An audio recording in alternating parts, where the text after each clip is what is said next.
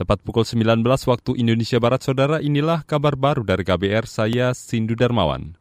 Pemerintah berupaya menaikkan status Rumah Sakit Umum Daerah RSUD DKI di Kabupaten Yahukimo, Papua Pegunungan menjadi tipe C dari sebelumnya tipe D. Mengutip antara, rencana ini disampaikan Menteri Koordinator Bidang Pembangunan Manusia dan Kebudayaan Kemenko PMK Muhajir Effendi setelah meninjau fasilitas kesehatan tersebut hari ini. Sebab RS tersebut adalah satu-satunya di sana namun tipenya masih D.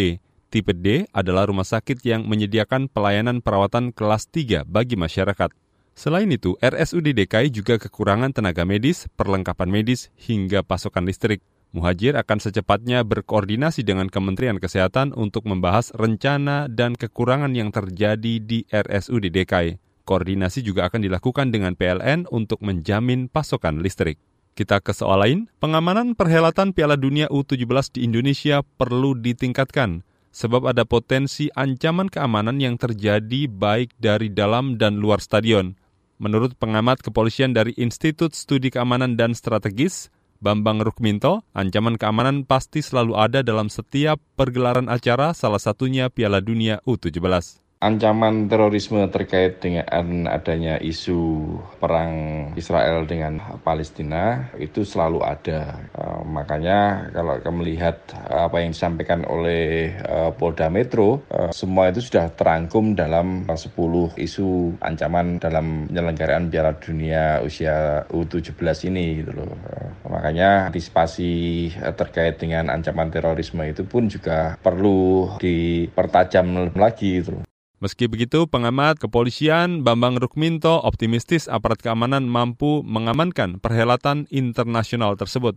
Sebab upaya persiapan sudah dilakukan sangat baik dengan mengerahkan ribuan personel di berbagai wilayah guna mengamankan Piala Dunia U17. Hari ini Piala Dunia U17 akan dimulai dan berakhir pada 2 Desember 2023. Indonesia tergabung di grup A dan akan melawan Ekuador malam ini. Beralih ke berita mancanegara, Israel harus secepatnya mengambil langkah untuk melindungi warga Palestina di tepi barat yang menjadi target sasaran kekerasan sejak terjadinya perang antara Israel dan Hamas awal Oktober. Desakan itu disampaikan Komisioner Tinggi Hak Asasi Manusia PBB Volker Turk hari ini kepada wartawan di ibu kota Yordania Aman. Mengutip antara Volker Turk, menyebut sejak awal Oktober setidaknya 176 warga Palestina, termasuk puluhan anak-anak dan satu perempuan terbunuh akibat serangan Israel. Karena itu menurutnya sudah menjadi tugas Israel menyelidiki insiden kekerasan dengan cepat dan efektif agar ada solusi bagi para korban. Sebelum perang, dalam 18 bulan terakhir, tentara Israel telah membunuh ratusan warga Palestina dan menangkap ribuan orang di tepi barat. Di dalam periode sama, terdapat puluhan warga Israel tewas karena serangan warga Palestina. Demikian kabar baru KBR, salam.